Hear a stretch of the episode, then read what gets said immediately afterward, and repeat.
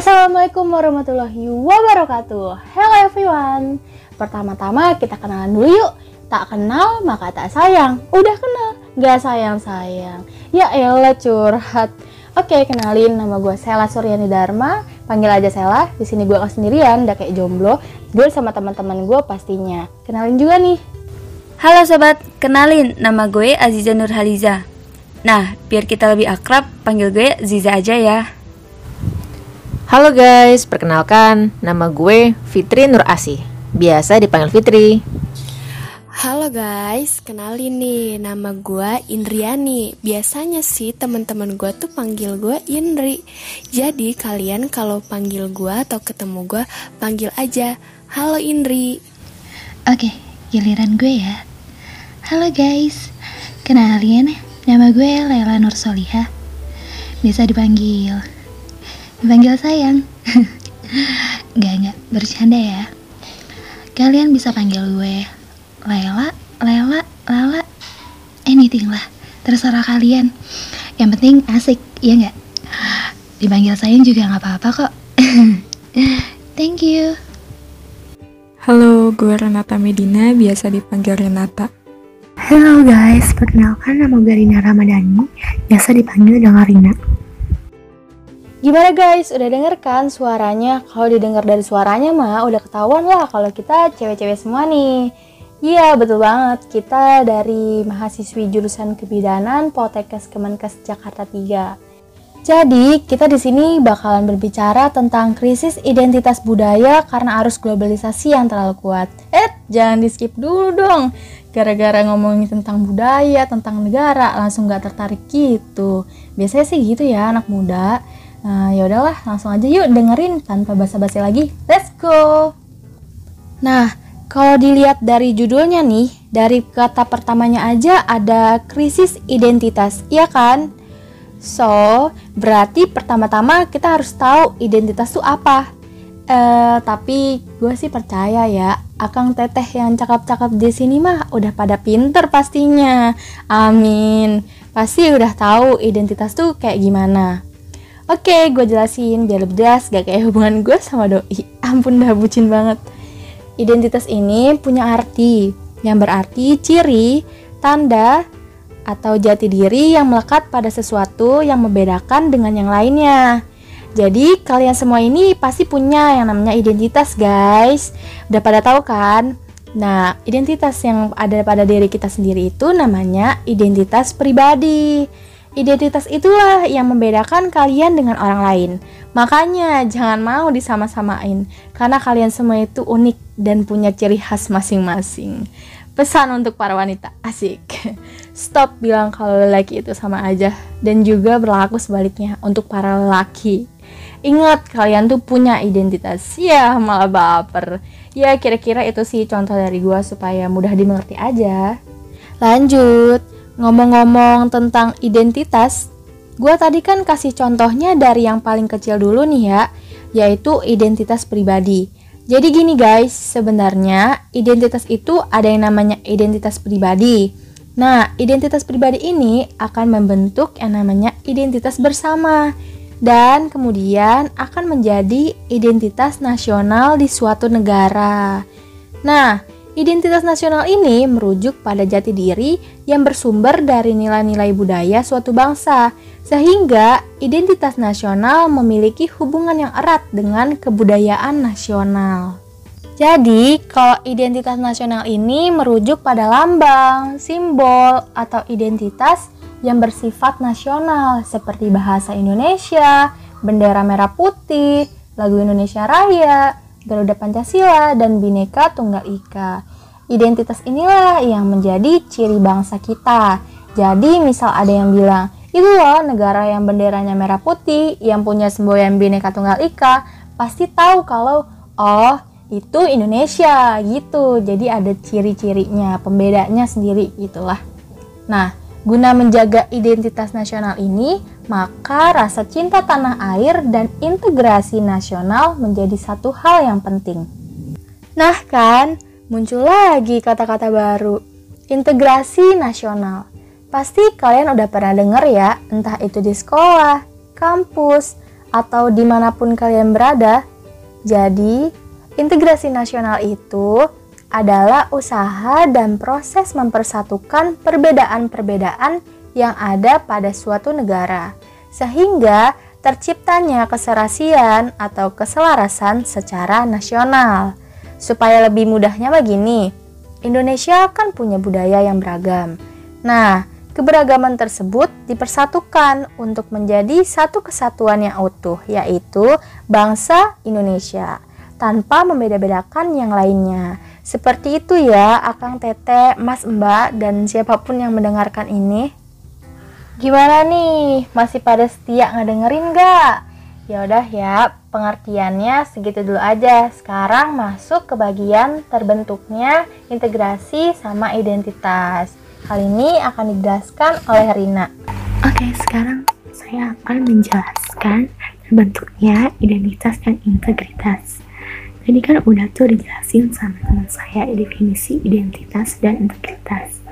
Nah, sekarang saya akan menjelaskan bagaimana identitas sama integritas itu terbentuk. Dengerin ya guys. Yang pertama itu ada empat unsur pembentuk identitas nasional. Yang pertama itu ada suku bangsa. Kenapa sih suku bangsa? Karena setiap negara tentunya memiliki suku bangsa masing-masing yang menjadi identitas nasional di mata dunia, hingga negara lain juga dapat mengenalnya. Suku bangsa tersebut dapat diartikan dapat diartikan sebagai suatu kelebihan atau keunikan yang permanen dan melekat dalam tubuh bangsa, sama halnya dengan golongan umur, golongan darah, dan jenis kelamin pada manusia. Adapun di Indonesia khususnya terdapat banyak sekali suku bangsa atau berbagai kelompok etnis yang jumlahnya tidak kurang lebih dari 300 pada populasi penduduk Indonesia saat ini. Banyak banget kan? Nah, yang kedua itu ada agama.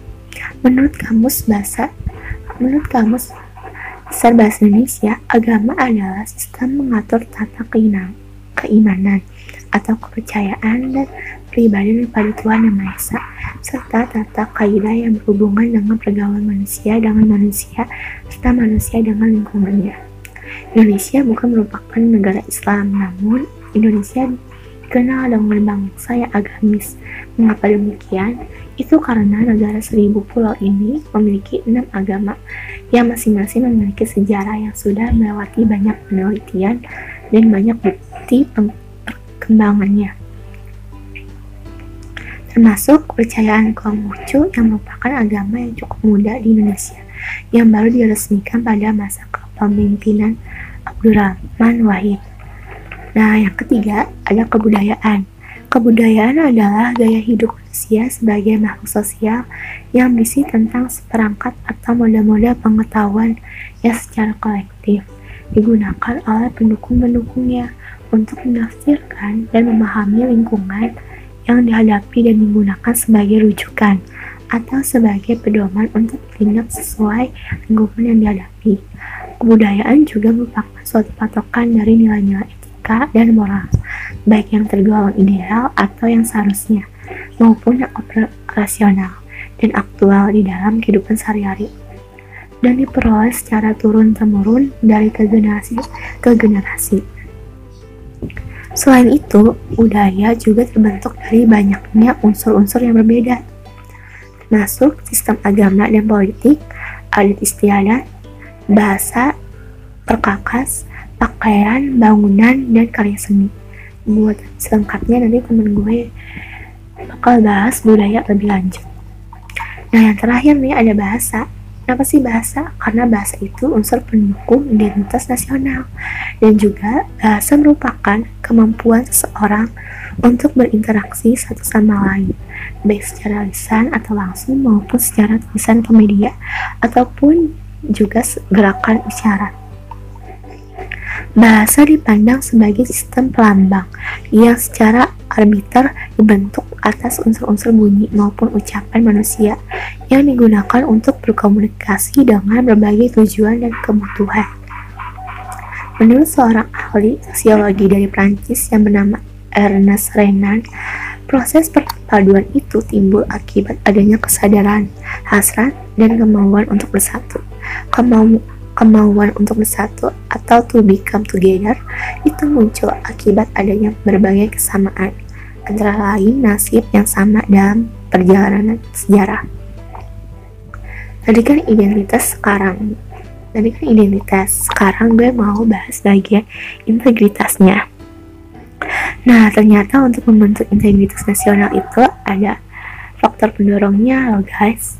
Nah, yang pertama itu faktor sejarah yang menimbulkan rasa senasib dan seperjuangan.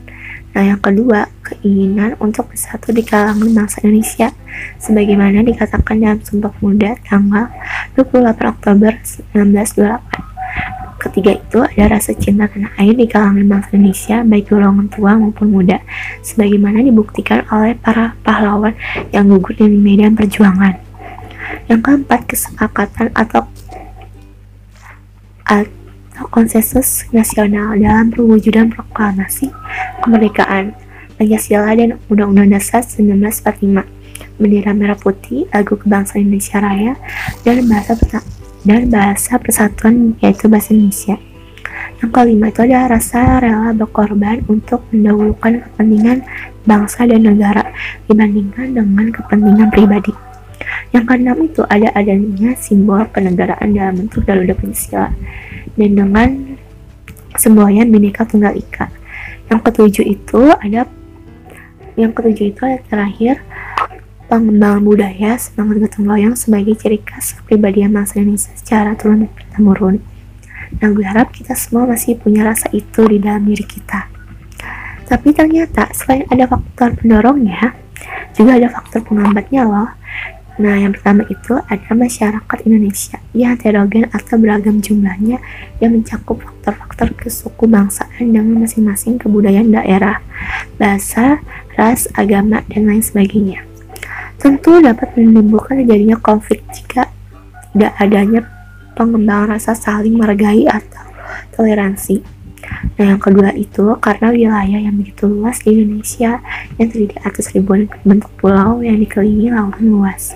Ketiga itu besarnya kemungkinan ancaman, tantangan, hambatan, dan gangguan yang mengganggu keutuhan, kesatuan, dan kesatuan bangsa, baik gangguan yang berasal dari dalam maupun luar negeri. Yang keempat itu besarnya ketimpangan dan ketidakmerataan pembangunan yang dapat menimbulkan berbagai berbagai rasa tidak puas atau kecemburuan sosial yang berdampak pada perpecahan sara atau, atau biasa disebut suku, agama, ras, dan antar golongan. Yang kelima itu adanya paham etnosentrisme yang dianut oleh berbagai suku bangsa yang kemudian menonjolkan kelebihan-kelebihan kebudayaannya dan meremehkan atau merendahkan kebudayaan bangsa lain. Dan yang terakhir, lemahnya nilai-nilai budaya bangsa akibat kuatnya pengaruh budaya asing yang tidak sesuai dengan kepribadian bangsa baik. Kepribadian bangsa baik secara kontak langsung, misalnya melalui unsur pariwisata, maupun melalui media lain seperti media cetak atau majalah tabloid dan media elektronik seperti televisi, radio, film, internet, dan telepon seluler yang semakin canggih. Sedih ya dengarnya? Nah, tugas kita nih sebagai masyarakat Indonesia dan menerus generasi bangsa jangan sampai hal-hal tadi mempengaruhi kita. Justru perbedaan itu dibuat untuk saling melengkapi. Nah, antara integrasi nasional dan identitas nasional negara Indonesia memang saling berkaitan guys. Hal itu terjadi karena adanya berbagai macam kekayaan budaya yang kita punya disatukan melalui persatuan di bawah bendera merah putih dan bineka tunggal ika. Keren banget gak sih? Melalui proses ini terjadilah proses integrasi nasional di mana perbedaannya ada dipersatukan sehingga tercipta keselarasan dan persatuan nasional yang kompleks. Dari kemajemukan suku inilah yang kemudian menjadi salah satu ciri khas bangsa Indonesia kita juga harus punya rasa nasionalisme karena itu karena itu merupakan wujud kita dalam integrasi nasional. Nah selanjutnya itu ada bentuk-bentuk identitas dan integritas yang akan dilanjut yang akan dijelaskan oleh teman saya yaitu Aziza. Nah, di sini gue bakal ngejelasin tentang bentuk-bentuk identitas dan integritas. Identitas nasional bangsa Indonesia adalah salah satu identitas yang sudah melekat pada negara Indonesia, yaitu Bhinneka Tunggal Ika. Ungkapan Bhinneka Tunggal Ika dalam lambang nasional terletak pada simbol burung Garuda, dengan lima simbol yang mewakili sila-sila dalam dasar negara Pancasila. Nah, bentuk-bentuk identitas nasional itu apa aja sih teman-teman? Pasti Akang Teteh semua udah tau lah ya identitas itu apa. Tepatnya, bentuk identitas itu yang sudah ada melekat pada diri kita. Sedari kecil, orang tua pasti kan mengajarkan kebudayaan. Lalu, bahasa yang dilakukan secara turun-temurun dan menjadi suatu hal kewajiban orang tua sebagai warga negara Indonesia. Agar lebih jelasnya nih, bentuk-bentuk Indonesia itu apa? Nih bakal gue jelasin. Ya, yang pertama bahasa Indonesia, yaitu bahasa sehari-hari kita yang sudah menjadi bahasa nasional atau bahasa persatuan. Sebelum negara Indonesia itu ada, bahasa yang para leluhur kita pakai adalah bahasa rumpun atau bahasa Melayu. Kemudian pada tanggal 28 Oktober 1928 disepakati bahwa bahasa persatuan kita adalah bahasa Indonesia. Bangsa Indonesia sepakat bahwa bahasa Indonesia merupakan bahasa nasional sekaligus sebagai identitas nasional Indonesia. Gue yakin banget milenial Indonesia kayak Akang Teteh pasti tahu Sumpah Pemuda. Yang kedua, sang merah putih sebagai bendera negara kita. Udah pada tahu kan ya makna dari warna bendera kita? Warna merah berarti berani dan putih berarti suci. Lambang merah putih sudah dikenal pada masa kerajaan di Indonesia yang kemudian diangkat sebagai bendera negara. Pertama kali dikibarkan bendera merah putih tepatnya di hari kemerdekaan kita tanggal 17 Agustus 1945. Yang ketiga, Indonesia Raya sebagai lagu kebangsaan Indonesia. Lagu Indonesia Raya pertama kali dinyanyikan pada tanggal 28 Oktober 1928 dalam Kongres Pemuda II. Yang keempat, burung Garuda yang merupakan burung khas Indonesia dijadikan sebagai lambang negara. Burung Garuda itu yang suka dipajang di kelas gitu loh guys. Duh, jadi kangen masa SMA. Kelima, Bhinneka Tunggal Ika sebagai semboyan negara yang berarti berbeda-beda tetapi satu jua, menunjukkan kenyataan bahwa bangsa kita heterogen, namun tetap berkeinginan untuk menjadi satu bangsa, yaitu bangsa Indonesia. Duh, maknanya deep banget ya, apalagi di zaman sekarang ini yang sering muncul hoax untuk memecah belah kita semua.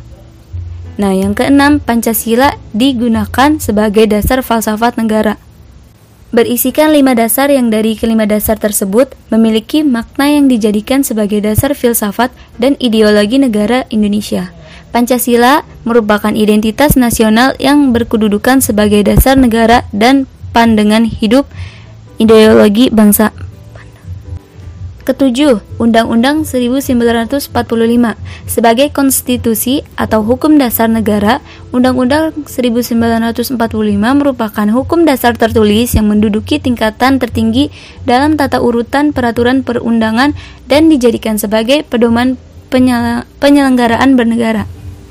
Yang kedelapan, bentuk negara kita adalah Kesatuan Republik Indonesia yang berkedaulatan rakyat Bentuk negara adalah kesatuan, sedang bentuk pemerintahan adalah republik. Sistem politik yang digunakan adalah sistem demokrasi atau kedaulatan rakyat.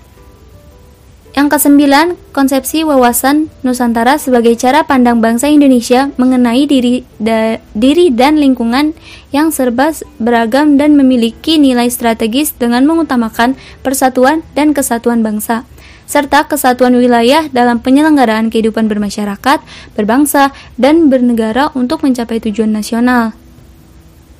Yang ke-10, kebudayaan sebagai puncak-puncak dari kebudayaan daerah. Kebudayaan daerah diterima sebagai kebudayaan nasional. Berbagai kebudayaan dari kelompok-kelompok bangsa di Indonesia yang memiliki cita rasa tinggi dapat dinikmati dan diterima oleh masyarakat luas sebagai kebudayaan nasional. Nah, ternyata banyak banget ya guys. Sadar gak sadar sih, hal yang tadi gue sebutin itu tuh identitas kita. Kalau kata lirik dari soundtrack film The Greatest Showman, namanya This Is Me. Ini adalah gue. Makanya kita harus bangga sama identitas kita. Seperti yang sudah dijelaskan sebelumnya, integritas merupakan suatu konsep yang menunjukkan konsistensi antara tindakan dengan nilai dan prinsip. Kata konsistensi ini mengartikan dan menunjukkan pada kedisiplinan seseorang dalam melakukan suatu hal yang sudah pilihannya.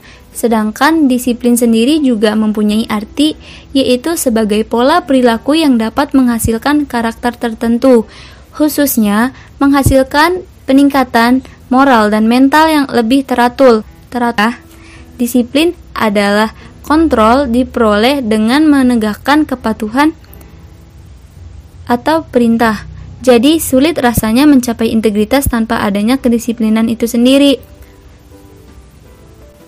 Berdasarkan hakikat dirinya sebagai manusia, orang yang berintegritas atau organisasi yang berintegritas diharapkan mengambil keputusan dan tindakan yang bermoral. Dari keputusan dan tindakan yang bermoral tersebut, seseorang harus mengekspresikan identitas dirinya yang sudah dibangun untuk menegaskan bahwa makna kekompakan pada dirinya terwujud dan terekspresikan. Jadi, ada dua nih guys, aspek integritas bagi individu orang atau individu organisasi yang berintegritas. Yang pertama, integritas itu berkaitan dengan bagaimana individu membangun dan mempertahankan identitas dirinya atau bisa juga dibilang sebagai proses pengendalian internal. Dan yang kedua, integritas berkaitan dengan bagaimana individu melakukan perbuatan yang bermoral atau juga bisa dibilang proses partisipasi eksternal. Makna integritas yang sebenarnya, sebenarnya seharusnya mencakup dua aspek tersebut. Namun sepertinya hal itu tuh gak mudah buat nemuin satu kriteria yang bisa mempresentasikan dua aspek sekaligus. So, gue bakal jelasin ya, ada beberapa hal yang membuat integritas itu penting. Apa aja sih? Nih, yang pertama itu ada integritas membina kepercayaan, yaitu dengan integritas yang ditemukan dalam diri seorang pemimpin dan bukan cuma kata-kata omong kosong aja, tetapi juga harus disertai dengan tindakan yang bisa menumbuhkan rasa kepercayaan dalam diri pengikutnya. Nih, siapa aja yang suka ngomong kosong? Gak boleh ya. Yang kedua itu ada integritas punya nilai pengaruh tinggi, yaitu integritas merupakan kualitas manusia yang diperlukan untuk sukses bisnis. Dengan integritas apa yang dipunyai oleh seorang pemimpin akan memperbesar pengaruhnya karena pengikut melihat adanya sesuatu yang bisa dipercayai dalam diri pemimpin. Istilahnya itu mah leader is influencer. Nah, kemudian yang ketiga, Integritas memudahkan standar tinggi pemimpin harus hidup dengan standar yang lebih tinggi daripada pengikutnya. Adanya watak yang baik atau integritas memungkinkan pemimpin untuk melaksanakan semua tanggung jawabnya. Kalau wataknya seorang pemimpin rendah, menurut kalian gimana? Nah, yang keempat ini, integritas menghasilkan reputasi yang kuat bukan hanya citra, bukan juga citra yang merek hand body. Nah, citra adalah apa yang dipikirkan orang lain tentang diri seseorang. Integritas adalah apa diri seseorang yang sesungguhnya. Kadang-kadang kehidupan menjepit seseorang pada saat-saat mengalami tekanan seperti itu tuh apa yang ada di dalam dirinya akan ketahuan dan dengan demikian akan menentukan bagaimana reputasi seseorang. Nah, yang terakhir nih, kelima integritas berarti menghayati diri sebelum memimpin orang lain. Sebelum memimpin orang lain, seorang pemimpin harus menghayati dirinya sendiri, karena pemimpin tidak bisa memimpin siapa pun lainnya lebih jauh daripada tempat pemimpin sendiri berada. Nah, selanjutnya pengertian globalisasi. Pengertian globalisasi akan dijelaskan oleh teman kita, yaitu Sela. Sebelumnya kan udah dijelasin nih tentang identitas sama integrasi nasional. Oke, sekarang kita lanjut nih ke topik globalisasi.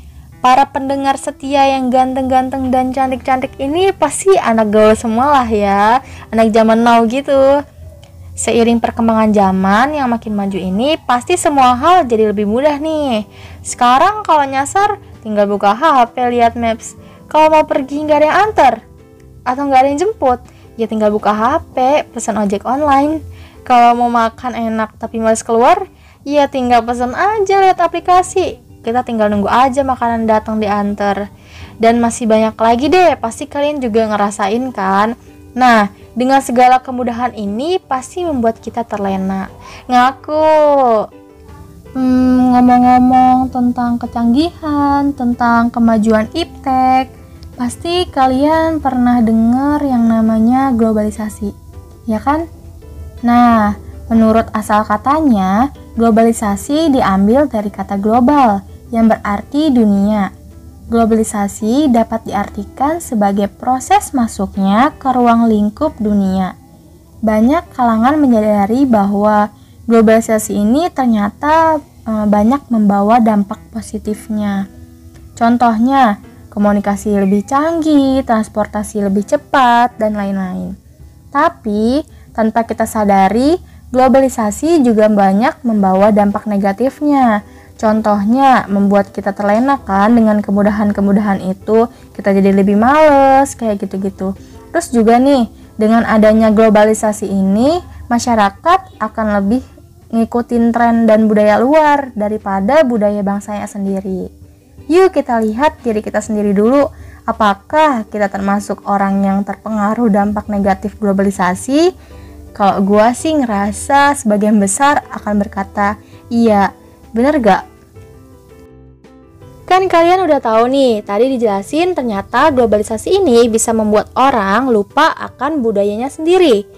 Nah, selanjutnya, cus dengerin pengertian budaya dan kebudayaan dari Renata. Dari tadi kita udah bahas tentang identitas dan integritas. Sekarang gue mau bahas tentang budaya nih. Pasti kata budaya atau kebudayaan gak asing di telinga kalian. Apalagi negara Indonesia sangat terkenal akan keragamannya. Apa yang dimaksud dengan budaya? Dia datang dari mana? Dari gue pakai rok merah sampai gue kuliah sekarang banyak banget istilah budaya yang ada di sekitar gue. Budaya atau kebudayaan berasal dari bahasa Sanskerta, yaitu budaya Hindi, yang juga merupakan bentuk jamak dari budi, diartikan sebagai hal-hal yang berkaitan dengan budi dan akal manusia. Dalam bahasa Inggris, kebudayaan disebut culture, yang berasal dari kata Latin coler, yaitu mengolah atau mengerjakan, bisa diartikan juga sebagai mengolah tanah atau bertani. Kata culture juga kadang sering diterjemahkan sebagai kultur dalam bahasa Indonesia. Bisa disimpulkan bahwa budaya adalah suatu cara hidup yang berkembang dan dimiliki bersama oleh sebuah kelompok orang dan diwariskan dari generasi ke generasi. Budaya terbentuk dari banyak unsur yang rumit, bahkan lebih rumit daripada hubungan percintaan teman-teman gue. Di dalamnya termasuk sistem agama dan politik, adat istiadat, bahasa, perkakas, pakaian, bangunan, dan karya seni. Lalu bagaimana dengan kebudayaan? Kebudayaan adalah kompleks yang mencakup pengetahuan, kepercayaan, kesenian, moral, hukum, adat, dan kebiasaan-kebiasaan yang dilakukan oleh sekumpulan anggota masyarakat. Kebudayaan merumuskan sebagai semua hasil karya, rasa, dan cipta masyarakat. Karya masyarakat menghasilkan teknologi dan kebudayaan kebendaan atau kebudayaan jasmaniah yang diperlukan oleh manusia untuk menguasai alam sekitarnya agar kekuatan serta hasilnya dapat diabdikan untuk keperluan masyarakat. Contohnya, petani pakai cangkul dan traktor buat ngebajak sawah, dan masih banyak yang lainnya.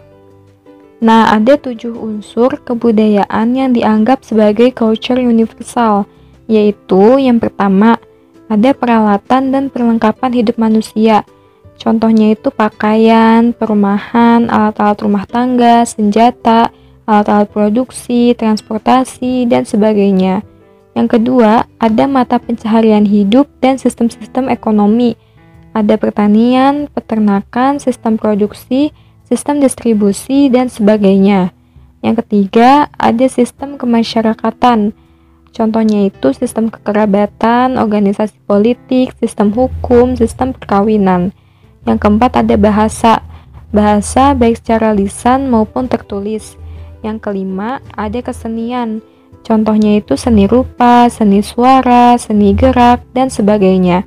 Yang keenam ada sistem pengetahuan. Dan yang terakhir ada religi, yaitu sistem kepercayaan.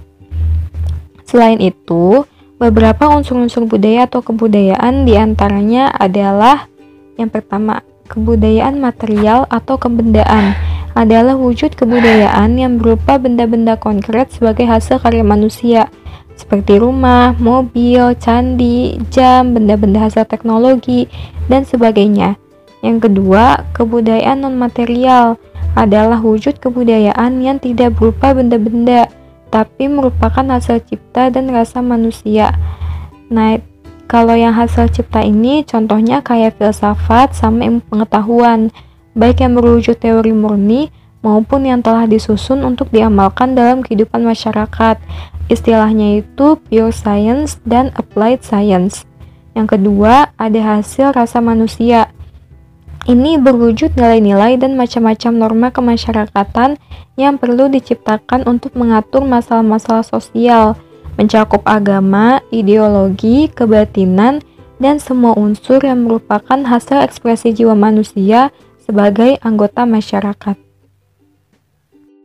Nah, selanjutnya teman gue Lela akan membahas tentang macam-macam budaya.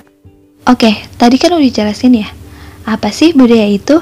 Dan pastinya kalian juga udah cukup mengerti dong. Nah, setelah ini gue akan mengajak kalian buat lebih mengenal, lebih mengetahui, dan pastinya membuka wawasan kalian mengenai ada budaya apa aja sih yang dimiliki negeri tercinta kita ini. Oke, langsung aja ya. Yang pertama ini ada rumah adat. Rumah adat merupakan bangunan berarsitektur kedaerahan yang dapat menjadi ciri khas suatu daerah. Nah, di Indonesia sendiri memiliki beragam rumah adat loh. Di antaranya itu ada rumah adat Gorontalo, namanya Dulahupa. Ada rumah adat Riau, namanya Melayu Selaso. Ada rumah adat Bangka Belitung namanya Rekit. Ada rumah adat Papua namanya Honai dan ini nih rumah adat yang kalian udah nggak aneh dengarnya. Iya, rumah adat Joglo dari Jawa Tengah. Nah, kemudian juga ada tarian adat nih. Tarian Indonesia mencerminkan kekayaan dan keanekaragaman suku bangsa dan budaya Indonesia. Bahkan di Indonesia sendiri terdapat lebih dari 3000 tarian asli Indonesia. Wow, 3000 cuy. Dan gak mungkin gue akan menyebutkan 3000 3000 nya ya gak sih?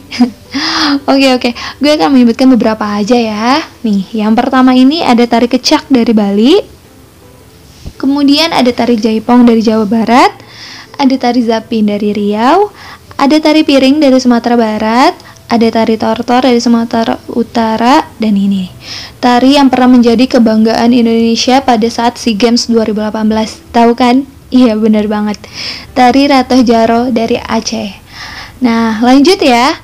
Di sini ada lagu daerah lagu daerah atau musik daerah adalah lagu atau musik yang berasal dari suatu daerah tertentu nah pada umumnya pencipta, pencipta lagu daerah ini tidak diketahui alias no name. Ada apa aja sih lagu daerah ini? Oke, yang pertama ini ada injet-injet semut dari Jambi, ada rasa sayang-sayangi dari Maluku, ada Yamko Yamber Yamko dari Papua, ada Soleram dari Riau, dan ada Tokecang dari Jawa Barat. Wah, jelaslah pokoknya masih banyak lagu-lagu yang lainnya lah ya. Oke lanjut ya. Uh, ad, di sini juga ada alat musik nih. Alat musik di Indonesia juga tidak kalah beragamnya loh. Ya jelas, karena Indonesia ini sangat beragam ya kan. Nah, alat musik di Indonesia ini uh, dimulai dari alat musik petik sampai alat musik tiup juga ada. Oke oke oke. Ada apa aja sih?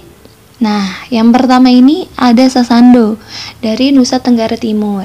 Ada kulintang dari Sulawesi Utara, ada angklung dari Jawa Barat, ada gambus dari Riau, dan ada tifa dari Maluku dan Papua. Wah, banyak ya. Pokoknya masih banyak deh yang lainnya yang gak bisa gue sebutin juga karena banyak banget.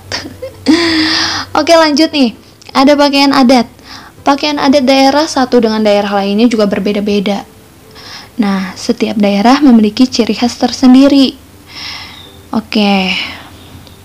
Siap disebutin? Oke, lanjut ya nih.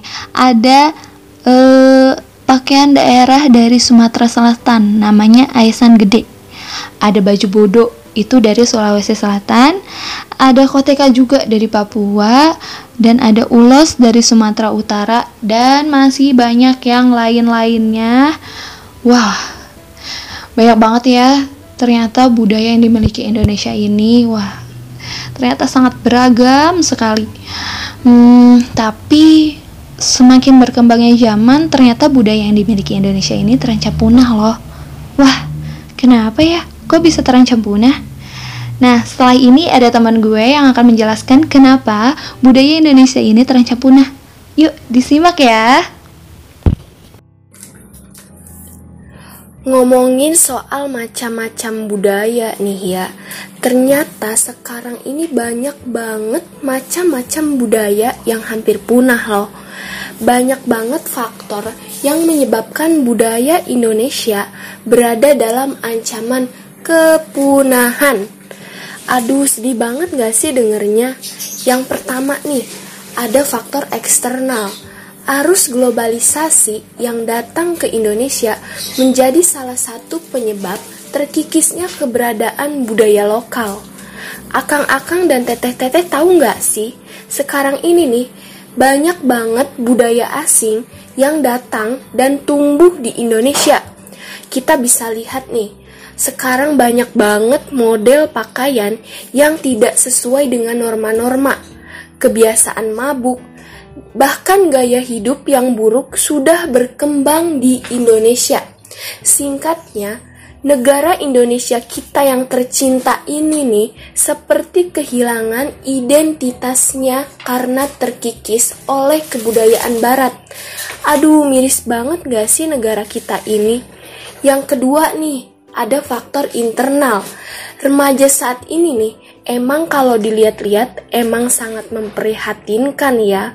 Zaman merubah segalanya, baik dari budaya, sosial, ekonomi, politik, bahkan agama pun semakin tak dianggap. Mereka terbuai oleh kehidupan modern dan mulai melupakan nilai-nilai yang diwariskan oleh nenek moyang kita. Contohnya aja nih, dari penggunaan bahasa Indonesia. Akang dan Teteh nih, coba deh cermati. Hampir seluruh kebudayaan barat kita tiru, seperti perilaku, kesukaan, kesenangan, liburan, dan lain-lain sebagian besar mengikuti dan memilih budaya barat. Wow, gila banget gak sih? Ke mana nih identitas kita sebagai bangsa Indonesia? Sekarang ini nih, emang banyak banget warga negara Indonesia yang kurang peduli. Bahkan ada loh yang gak peduli tentang budaya Indonesia. Padahal itu budaya kita sendiri yang harusnya kita jaga dan kita pertahankan. Nah, hal ini juga menyebabkan banyak budaya Indonesia yang diklaim oleh negara lain. Contohnya aja nih ya, batik sudah diakui oleh UNESCO, Tari pendet diakui oleh Malaysia, wayang kulit, angklung, alat musik dari Sunda sudah diakui oleh UNESCO. Reok Ponorogo, kuda lumping sudah diakui dan diklaim oleh Malaysia loh. Terus nih ada lagi lagu rasa sayangnya Bahkan bunga Rafflesia arnoldi yang tumbuh di Indonesia sudah diakui oleh negara lain loh. Dan yang terakhir nih, ada makanan yang paling enak sejagat raya, yaitu rendang padang. Nah ini juga sudah diakui oleh Malaysia. Ayo dong generasi muda, jangan diem aja. Seharusnya nih kepunahan budaya tidak terjadi apabila negara mampu menegakkan konstitusi secara utuh. Pada pasal 32 ayat 1 dan 2 Undang-Undang Dasar 1945 tertera sebuah amanat yang menyatakan bahwa pemerintah berkewajiban memajukan kebudayaan nasional di tengah peradaban dunia. Selain pemerintah, kita sebagai masyarakat juga harus menjadi pihak yang ikut bertanggung jawab untuk mempertahankan budaya nasional dan lokal dari globalisasi. Terlebih sentimennya nih ya, mempertahankan budaya lokal sering kali identik dengan sifat gengsi dan malu yang dirasakan oleh masyarakat saat ini. Hello, ayo dong, mana nih yang katanya generasi penerus bangsa? Masa untuk mempertahankan budayanya sendiri harus malu dan gengsi? Kita harusnya nih sebagai generasi muda bisa mencegah dan mencari solusi supaya budaya kita ini nggak punah. Kalau masalah solusi dan pencegahan nih, gue serahin sama temen gue aja nih, namanya Fitri. Banyak banget ya ternyata. budaya-budaya di Indonesia yang hampir punah. Bahkan beberapa sudah ada yang punah. Sedih deh kalau budaya asli Indonesia malah dilupakan dan ditinggalkan begitu saja tanpa dilestarikan. Kalau tidak dilestarikan, negara kita jadi krisis identitas loh. Padahal dulunya kita disebut negara seribu budaya. Nah, dari masalah budaya-budaya yang sudah disebutkan teman gue tadi, masa sih kalian gak tergerak hatinya untuk membantu melestarikan budaya kita? Caranya gampang banget deh, dengan dimulai dari mencintai budaya sendiri tanpa merendahkan dan melecehkan budaya orang lain. Toleransi terhadap budaya yang lain penting banget nih, gengs. Karena kalau toleransi tidak dijaga, bukan hanya kebudayaan saja yang hilang, tetapi persatuan dan kesatuan di Indonesia pun terancam.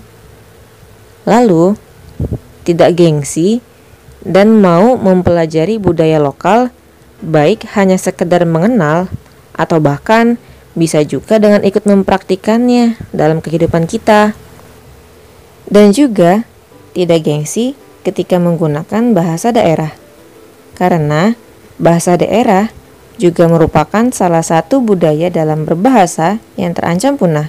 Jika kita tidak mempraktikkan bahasa tersebut dalam sehari-hari. Mungkin 10 atau 20 tahun lagi bahasa daerah pun akan punah. Lalu, jika ada festival atau acara kebudayaan, kita turut ikut serta nih dalam berpartisipasi. Bisa dari hanya menonton, bahkan ikut serta dalam menampilkan suatu kebudayaan.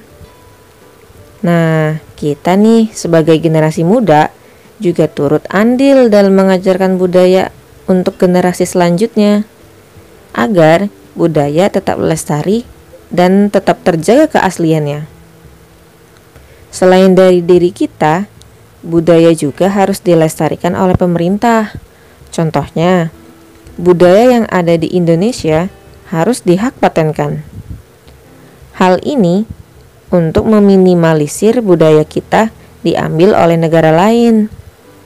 Lalu, pemerintah juga memfasilitasi untuk masyarakat dalam menyalurkan kebudayaannya seperti membangun teater sebagai acara pertunjukan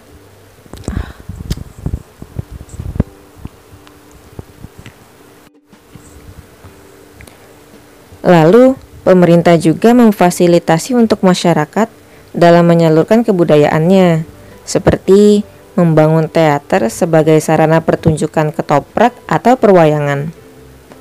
Kalau tempat untuk pertunjukan kebudayaannya nyaman, kita pun yang menonton jadi betah lama-lama di teater.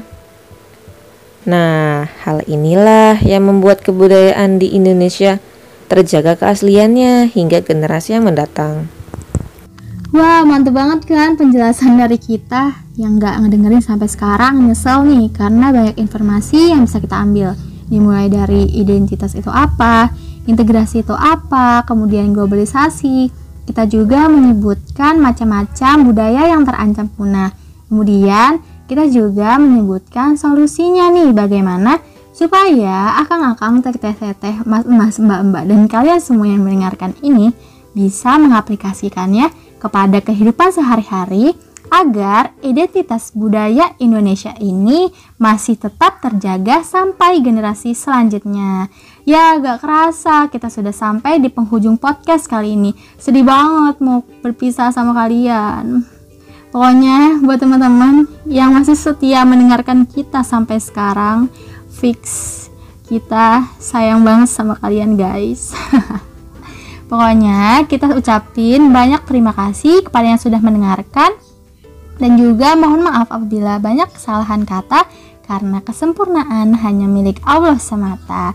Kita pamit undur diri dulu guys. See you next time. Bye bye. Wassalamualaikum warahmatullahi wabarakatuh.